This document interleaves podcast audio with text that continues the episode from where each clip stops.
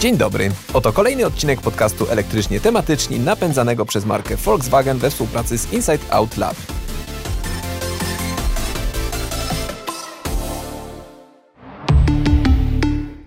Tematem dzisiejszej rozmowy będą zmiany klimatyczne. Będziemy o tym dyskutować we trójkę. Ja nazywam się Kasia Frendl. A ja Paweł Pilarczyk, a naszym gościem jest świetnie Wam znany popularyzator nauki Tomasz Rożek, twórca kanału Nauka to Lubię na YouTube. Cześć Tomku. Cześć, dzień dobry. Cześć. O pozytywnym wpływie elektromobilności na środowisko opowiadamy w naszym podcaście regularnie.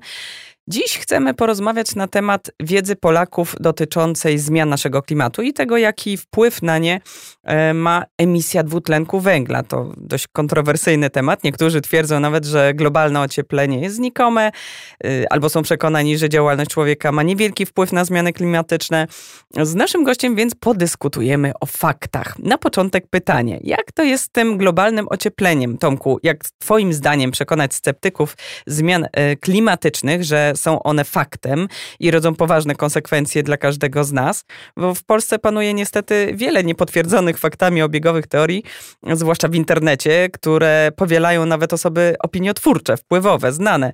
E, a gdy czytamy tweety o treści, jakie globalne ocieplenie, przecież mamy maj, a pada śnieg, no to mamy wrażenie, że to jakieś nieporozumienie. Rzeczywiście sporo jest tutaj różnych um, z jednej strony manipulacji, ale też nie podejrzewam każdego, kto ma wątpliwości o e, złą wolę i właśnie o chęć zmanipulowania. Bardzo często jest problemem jest zrozumienie czegoś, co jest wyjątkowo skomplikowane. To, co dzieje się w atmosferze, to, co dzieje się, to, to co ogólnie nazywamy klimatem, bo to nie tylko kwestia mm, samego powietrza czy warstwy powietrza przy gruncie, e, to jest bardzo, bardzo złożony i skomplikowany temat. Odpowiadając na Twoje pytanie krótko i w żołnierskich słowach, e, no cóż, nie mamy zbyt wielu możliwości poza przekazywaniem informacji, poza przekazywaniem faktów, poza edukacją. I wydaje mi się, że to, o czym powiedziałaś, czyli to, że mm, nawet osoby mm, znaczące albo osoby opiniotwórcze poddają wątpliwość to, do czego naukowcy dzisiaj e, już podchodzą jak do, do pewnika, nie mają tutaj większych wątpliwości, e, to jest trochę cecha pokolenia starszego. Mm, w pokoleniu na przykład moich dzieci kwestionowanie zmian klimatu jako takich, kwestionowanie Mm, tego, jak ważne jest, jak ważna jest ochrona e, środowiska, e, to czy to robimy dobrze, czy źle, to jest e, jakby inny temat, ale samo zauważenie problemu nie jest już tematem. Dla młodego człowieka to jest po prostu coś, czego nie poddaje w wątpliwość. Tomku, to czym jest to globalne ocieplenie? No właśnie tutaj zaczynają się już schody, bo mm, tak naprawdę mówimy, e, bardzo często mylimy efekt cieplarniany i globalne ocieplenie. Efekt cieplarniany to jest coś, dzięki czemu w ogóle na naszej planecie istnieje życie. Nasza planeta, gdyby nie miała e, atmosfery, w której są gazy cieplarniane, czyli gazy zatrzymujące część energii e, słonecznej, to wtedy tutaj temperatura, jaka by tutaj panowała, uniemożliwiałaby w ogóle istnienie płynnej wody. Czyli w zasadzie życie, jakie znamy, oparte na węglu, oparte, uzależnione od, od wody w stanie płynnym, nie mogłoby istnieć. E, natomiast, więc ilość pewna gazów cieplarnianych, o nich mogę powiedzieć za chwilę, to jest rzecz nie tylko naturalna, ale także bym powiedział wręcz błogosławiona. Dzięki temu w ogóle żyjemy. Problem się zaczyna wtedy, kiedy tych gazów cieplarnianych jest za dużo. A teraz jest coraz więcej. Bo to oznacza w skrócie taki efekt, który moglibyśmy porównać trochę do sytuacji, w której mm, leżymy w łóżku i ktoś nas przykrywa drugą kołdrą. I wtedy mówimy: Nie, nie, jedna wystarczy. Jedna wystarczy. Bez kołdry byłoby mi za zimno. Nie dajcie mi jedną, to będzie ok. Ale pod drugą i pod trzecią to się spocę, gdzieś mnie przewieje i zachoruję. No więc ten efekt cieplarniany to jest ta mm, jedna kołdra, Natomiast globalne ocieplenie to już są dwie albo trzy. Czyli te gazy cieplarniane y, to, to są właśnie te gazy, których jeżeli będzie za dużo, to wtedy mamy ten, to globalne ocieplenie, tak? Zbyt duża to ilość To wtedy mamy ocieplenie, tak, ale widzisz, ocieplenie i tutaj znowu wchodzimy na trochę grząski grunt, ale w zasadzie nie tyle grząski, ile taki grunt pełen nieporozumień. No bo czym, z czym nam się kojarzy ocieplenie, szczególnie jak mówimy o nim zimą? No z tym, że będzie lepiej, że mhm. będzie super, tak, że nie, będzie trzeba będzie zimy, włączać, tak, nie będzie mrozów, tak, nie tak. będzie mhm. trzeba włączać ogrzewania, które generuje koszty, mhm. że um, na przykład o, okres wegetacji będzie wydłużony, więc być może rolnicy będą mogli w ciągu jednego sezonu dwa razy zbierać plony, jak jest w niektórych, na, na niektórych szerokościach geograficznych.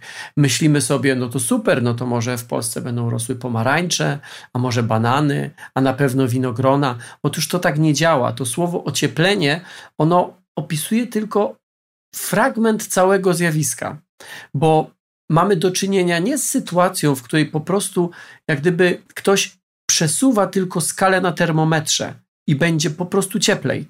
Mamy do czynienia z sytuacją, w której w atmosferze jest więcej energii niż było wcześniej.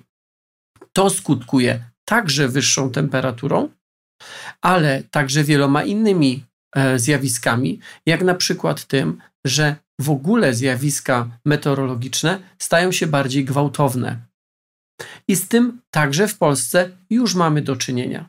Jak spojrzy się na statystyki, na przykład opadów, to zaglądając na nie tak powierzchownie, można by dojść do wniosku, że w zasadzie nic się nie dzieje, bo od wielu, wielu lat roczna czy średnioroczny opad, e, ilość wody, jaka średnio w ciągu roku spada na nasze głowy, jest w zasadzie taka sama. Nawet może momentami ciut e, jest tej wody więcej.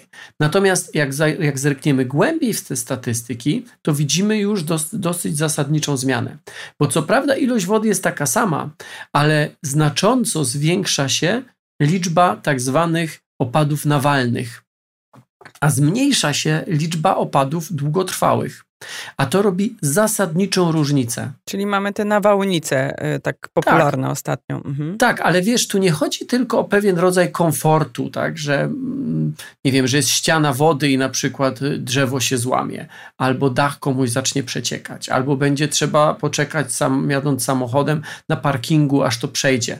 Tu chodzi o coś znacznie gorszego. Jeżeli wody spada dużo w bardzo krótkim czasie, ta woda nie zdąży wsiąknąć w grunt.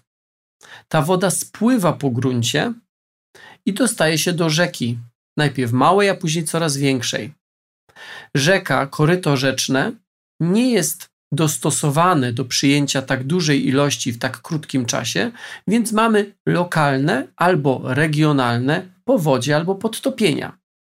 Ale jak tylko ta woda spłynie do Bałtyku już, to w tym samym miejscu, w którym jakiś czas temu był ten opad nawalny, przez to, że woda nie wsiąknęła w grunt, za chwilę jest susza.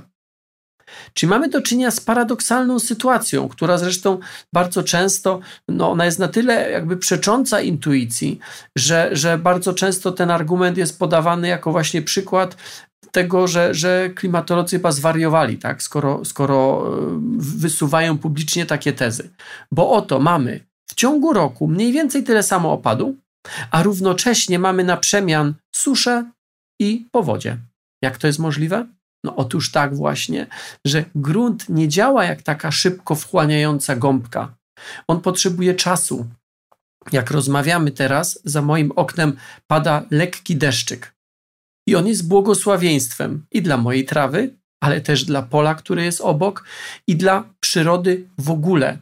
Bo taki deszczyk, on spowoduje, że woda nie spłynie do najbliższego strumienia, że woda nie będzie stała w moim ogrodzie albo na polu, niszcząc plony, tylko że ona delikatnie, mówię dlatego delikatnie, bo ten deszczyk jest bardzo delikatny, ona sobie spokojnie wsiąknie głębiej. Jak wsiąknie głębiej, to jutro, nawet jak będzie bardzo słoneczna pogoda, to ona już nie odparuje tak łatwo, bo ona będzie głębiej w glebie, czyli rośliny, mimo tego, że przez kolejne dni może być, być bardzo słonecznie i bardzo gorąco, rośliny będą miały zasób wody głębiej w gruncie i będą mogły z niego korzystać. E, Tomko, a jak duży, duże zmiany na, e, na e, jak, jak duży wpływ na te zmiany klimatu, na te chociażby właśnie deszcze, o których opowiadasz, ma emisja dwutlenku węgla, bo o tym się najczęściej właśnie mówi. Ten dwutlenek węgla bardzo często się pojawia na ustach wszystkich i wszyscy twierdzą, że dążymy do redukcji emisji dwutlenku węgla. W jaki sposób ten CO2 zmienia klimat? Bo to też jest gaz cieplarniany, prawda? Tak, no właśnie chciałem o, o, tym powiedzieć, że dwutlenek węgla jest jednym z gazów cieplarnianych. Co to oznacza w skrócie? Otóż to, że jak jest, y, że jego cząsteczki chemiczne zatrzymują część energii, która normalnie, gdyby go nie było, byłaby wypromieniowana w kosmos. Słońce świeci na Ziemię, po, grunt, e, powierzchnia gleby, grunt się ogrzewa i ogrzewając się odbija część promieni e, czy, czy część energii z powrotem w kosmos. E, gazy cieplarniane są odpowiedzialne za to, że część tej energii magazynują w atmosferze. Im więcej gazów cieplarnianych, tym więcej um, tej energii zmagazynujemy. Czyli ta analogia z kołdrą, którą się przykrywamy, wydaje mi się tutaj dosyć udana. Dwutlenek węgla jest jednym z gazów cieplarnianych. Innym jest na przykład metan. Gazem cieplarnianym jest także para wodna. Więc e, dlaczego, e, więc dlatego właśnie mówimy o dwutlenku węgla, że on jest jednym z powodów e, tego, że więcej energii jest przytrzymywana w warstwie atmosfery. Mhm, ale ym, ile go jest y, w stosunku do na przykład tlenków azotu, które często są wymieniane w kontekście ym, szkodliwości właśnie spalin określanych symbolem NOx? Yy, I właśnie jaka jest ta zależność? Czy y, bardziej się powinniśmy bać tlenków azotu, czy, czy dwutlenku? Yy, jak myślisz? Dwutlenek węgla nie jest dla nas trucizną taką, jaką są e, tak zwane właśnie NOx-y, czyli mm, różne tlenki azotu. Tlenki azotu swoją drogą też są mm, gazami cieplarnianymi. Natomiast um, ilość dwutlenku węgla, ona nie jest duża w atmosferze. To są części na milion, tak bym powiedział. Czyli e, jak weźmiemy tak randomowo, powiedzmy, e, no, jak jakiś słoik, tak? W słoiku tak pachniemy i zabierzemy kawałek atmosfery, to tego dwutlenku węgla w tym słoiku będzie niewiele. Problemem nie jest to, ile go jest. Problemem jest to, że te powiedzmy ilości różnych gazów w atmosferze, one są w pewnej równowadze. I teraz my dopompowując jednych gazów, właśnie tych cieplarnianych, nie tylko dwutlenku węgla, ale także na przykład metanu. A produkcja metanu czy nadprodukcja metanu, jego, jego zwiększone stężenie e, jest związane z rolnictwem, z działalnością rolnictwa. E, po prostu chwiejemy równowagą w atmosferze. I to jest jak gdyby kwestia kluczowa. No właśnie, a co jest źródłem tych gazów? Bo metan rozumiem, że rolnictwo, NOx-y i dwutlenek węgla, jakbyś mógł rozwinąć. Jasne. Źródłem przeważającej większości mm, e, metanu jest sama przyroda.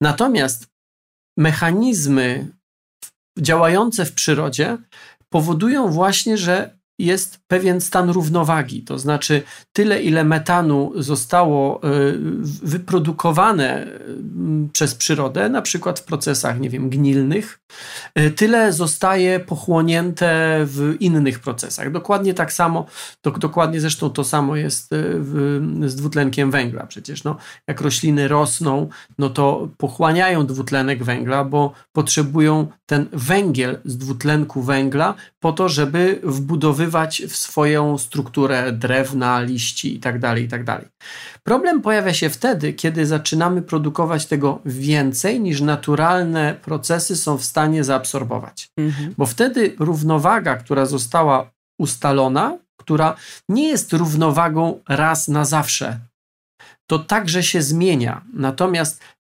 przez ostatnich 200 lat na tyle dużo wyprodukowaliśmy, na przykład dwutlenku węgla, że jego stężenie w atmosferze w ciągu ostatnich 200 lat wzrosło dwukrotnie. Mm-hmm, no właśnie. A... I mm-hmm. ani ocean, ani las, ani żadne inne mechanizmy naturalne nie są w stanie tej zwiększonej ilości pochłonąć. A to oznacza, że mamy w atmosferze pewien nadmiar dwutlenku węgla, który powoduje właśnie magazynowanie większe niż wynikałoby z tej równowagi energii słonecznej, a to z kolei powoduje to, o czym mówiliśmy wcześniej. Nie tylko wzrost samej temperatury, ale także wzrost, powiedzmy, gwałtowności e, różnych pogodowych zjawisk. Tomku, mówiąc o zmianach y, klimatycznych, nie możemy nie wspomnieć o śladzie węglowym. Według badania przeprowadzonego przez y, Insight Out Lab, 51% Polaków słyszało o śladzie węglowym, a 49% nie zetknęło się z tym pojęciem w ogóle. Bardziej świadomi są mieszkańcy największych miast, powyżej 500 tysięcy mieszkańców, aż 60% z nich słyszało o śladzie węglowym. Najmniej wiedzą o nim niestety mieszkańcy wsi, tylko 44% kojarzy to pojęcie. Jak w najprostszy sposób, Twoim zdaniem, można zdefiniować ślad węglowy? Wiesz, y, w samej nazwie ślad węglowy jest trochę jego definicja. Działając, pracując, kupując, funkcjonując, mm, zużywamy dobra różne jak daleko podróżujemy, to benzynę. Jak często chodzimy do sklepu, no to na przykład, nie wiem, no chociażby opakowania, czy samo pożywienie, czy, czy ubrania. Jeżeli e, lubimy zmieniać samochody, no to, no to e, jakby ilość tego dwutlenku węgla, która, e, pow, który powstaje w trakcie produkcji różnych rzeczy, dla osoby, która więcej konsumuje, jest po prostu większa. Innymi słowy, ślad węglowy to jest to, co pozostaje po naszej działalności w atmosferze. To w tak największym, w największym skrócie. A mogę wtrącić tutaj y, coś bardziej lifestyle'owego. Y, czy jest Dawaj. jakieś porównanie y, tego śladu węglowego, jeśli chodzi o hodowlę hodowców bydła na mięso, czy tam świń, powiedzmy, a tego rolnictwa wegańskiego, czyli roślin? Czy y, które tu jest bardziej szkodliwe, że tak powiem? Y, to jest trudne pytanie, bo y, kluczem nie jest to tak naprawdę, mm, czy inaczej. Najkrótsza odpowiedź jest taka, że generalnie produkcja żywności oznacza także emisję gazów cieplarnianych. Natomiast bardzo istotne jest to, jak ten nasz talerz jest skomponowany. Po to, żeby dostarczyć sobie odpowiedniej ilości kalorii, yy, to można zrobić na wiele różnych sposobów. Jedząc samo mięso, jedząc trochę mięsa, jedząc dużo zieleniny, tak w największym skrócie, mm, tak, tak, tak to, tak to nazwijmy. E, w to wszystko jeszcze wchodzi nie tylko to, co jemy, ale także to, skąd to transportujemy, bo mówiąc o pożywieniu, no musimy wziąć pod uwagę cały proces, a nie tylko to, co ląduje ostatecznie na talerzu. Więc optymalnie by było przede wszystkim, żeby jeść te rzeczy, których nie trzeba transportować z daleka. Bo te statki chyba napędzane przecież e, ropą e, też emitują. Właśnie, co jest takim najgorszym źródłem, tak? Czy zawsze te samochody, ten transport y, stoi gdzieś tam na, na szczycie tych najbardziej szkodliwych rzeczy na świecie, czy rzeczywiście są gorsze? Wiesz, no to, to by trzeba dokładnie policzyć, co masz konkretnie na myśli, no bo jeżeli mówisz o tym, że lubisz y, powiedzmy jeść, nie wiem, awokado, które no w Polsce nie rośnie um, i, i no, to, no to trzeba je przetransportować, to oczywiście no jakby razem z tym transportem, czy, czy jedząc to awokado, nawet jeżeli ktoś się ma za osobę bardzo, bardzo taką dbającą o środowisko, musi wziąć pod uwagę, że to awokado trzeba przetransportować, no najpewniej albo samolotem, albo statkiem. Natomiast zupełnie czym innym jest małe awokado przetransportowane z Ameryki na przykład, nie wiem, środkowej, czy, czy, czy, czy południowej, czy północnej, a zupełnie czym innym jest przetransportowany stamtąd chociażby, nie wiem, samochód. Tak, no bo, bo w jednym statku samochodów się zmieści e, nieporównywalnie mniej niż, niż awokado.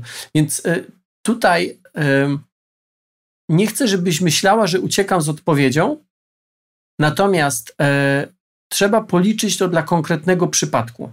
Mhm. Z zasady każda rzecz nowa, samego faktu, że ją trzeba było wyprodukować, jest dla środowiska większym obciążeniem niż naprawiona rzecz stara. Tomku, według badań organizacji Transport and Environment w ciągu całego życia najwięcej dwutlenku węgla do atmosfery emitują samochody z silnikiem benzynowym. To 57 ton CO2, wliczając w to proces produkcji samochodu. W przypadku diesli wartość ta jest niższa 53 tony. Samochody elektryczne są oczywiście dużo bardziej ekologiczne. Podczas eksploatacji same nie emitują dwutlenku węgla w ogóle, ale oczywiście powstaje on w trakcie produkcji prądu z paliw kopalnych oraz podczas produkcji samego samochodu. Łącznie dla aut w pełni elektrycznych daje to przeciętnie od 11 do 41 ton CO2 na samochód, zależnie oczywiście od miejsca produkcji i źródeł energii elektrycznej. To z kolei przeczy teoriom przeciwników elektromobilności, którzy twierdzą, że sumaryczna produkcja dwutlenku węgla w przypadku samochodów elektrycznych, licząc cały cykl życia takich pojazdów, jest wyższa niż w przypadku aut, y, aut spalinowych. Ale ciekawi mnie rzecz y, następująca, bo skoro diesle emitują mniej CO2 niż benzyniaki, to czemu to o dieslach mówi się, że są kopciuchami, a coraz więcej europejskich miast zakazuje im wjazdu do centrum? Powód jest prosty. Znaczy, najpierw odpowiem, dlaczego emitują mniej dwutlenku węgla. Mhm. Dlatego, że mniej spalają. Dwutlenek węgla to jest e, efekt e, reakcji spalania. Jeżeli Aha. diesel spali 4 czy 5 litrów e, ropy, czy powiedzmy no, diesla, czy oleju napędowego, mhm. a benzyniak spali 7 czy 8 litrów, no to już z samego tego faktu e, wynika, że diesel jest producentem mniejszej ilości dwutlenku węgla niż benzyniak. Natomiast e, to, co wyratuje z rury wydechowej, to nie tylko jest dwutlenek węgla, ale też cała masa różnych innych rzeczy. Więc e, diesli nie lubią duże miasta nie z powodu dwutlenku węgla, tylko z powodu na przykład cząstek stałych, czyli sadzy, z powodu innych komponentów, które powstają, prawda? które powstają w wyniku po mhm. prostu e, funkcjonowania samochodu. Dwutlenek węgla to w przypadku transportów, czy w przypadku spalin e, i transportu, to jest tylko jeden z elementów całej tej układanki. E, skoro w przypadku aut elektrycznych, e, Tomku, każdy właściciel właściwie może obniżyć emisję CO2. E, Czy ja mogę jeszcze coś dodać? Bo właśnie tak, nie odniosłem się do tych aut elektrycznych. Mhm. Rzeczywiście w przypadku samochodów elektrycznych rzeczą kluczową jest to, jak powstaje prąd, którym ten samochód jest naładowany. Bo faktem jest, że jadący samochód elektryczny nie emituje dwutlenku węgla. Trzeba go wyemitować oczywiście w trakcie produkcji samego samochodu, tego nie przeskoczymy, ale trzeba ten samochód elektryczny czymś naładować. Jeżeli teraz ładujemy go prądem, który powstaje w starej elektrowni węglowej, albo w ogóle w elektrowni węglowej, w elektrowni opalanej um, um, olejem jakimś, czy, czy w elektrowni e, gazowej, to, y, to nie zyskujemy zbyt wiele. Trudno o wiarygodne wyliczenia na tym etapie, dlatego że one przychodzą z czasem. To znaczy, my samochody elektryczne wykorzystujemy nie jakby eksperymentalnie, tylko w miarę masowo, nie od lat kilkudziesięciu, tylko od lat kilku tak naprawdę. Więc trudno dokładnie policzyć cały, cały obieg, czy, czy, czy cały, cały jak gdyby cykl. Natomiast nie ma wątpliwości, że tak jak nie przeskoczymy pewnych e, ograniczeń czy pewnych e, elementów samej produkcji, która wymaga na przykład, nie wiem, stopienia metalu, a jeżeli stopimy metal, żeby mieć blachę na ten samochód, no to e, skądś potrzebujemy źródło energii albo źródło ciepła. Więc pewnych rzeczy nie przeskoczymy. Natomiast to, co, to o co możemy zadbać, to to, żeby prąd, którym ładujemy akumulatory takiego samochodu, był prądem pozyskiwanym czy uzyskiwanym, produkowanym w procesach, które nie obciążają e, środowiska naturalnego, nie tylko emisją dwutlenku węgla, ale także emisją wielu innych różnych związków chemicznych. No właśnie, bo y, to jest główna przyczyna, y, że kupujemy te auta y, elektryczne po to, żeby być bardziej ekologicznymi, czyli taki właściciel, kierowca elektryka może obniżyć te emisje CO2 przez ładowanie właśnie akumulatorów samochodu z, z OZE, z odnawialnych źródeł energii. A są już takie punkty ładowania i, i, i sieci, i firmy, które oferują e, taką możliwość w Polsce. Mm, ale mm, pierwsze moje pytanie, czy można wpłynąć jeszcze jakoś inaczej na tę redukcję ilości dwutlenku węgla w elektrykach. A drugie mm, to z kolei mm, na przykład Volkswagen chwali się, że produkcja modelu ID3 jest całkowicie neutralna pod względem emisji dwutlenku węgla, wliczając to cały ten łańcuch dostaw nawet. Czy takie wyniki są Twoim zdaniem osiągalne dla wszystkich producentów samochodów, no i ewentualnie co im stoi na przeszkodzie, jeśli tak. No i czy to porozumienie paryskie z 2015 roku zmusi wszystkich producentów do modernizacji tych procesów produkcji samochodów? Nie potrafię przewidywać przyszłości, a tym bardziej, jeżeli. Jaka szkoda.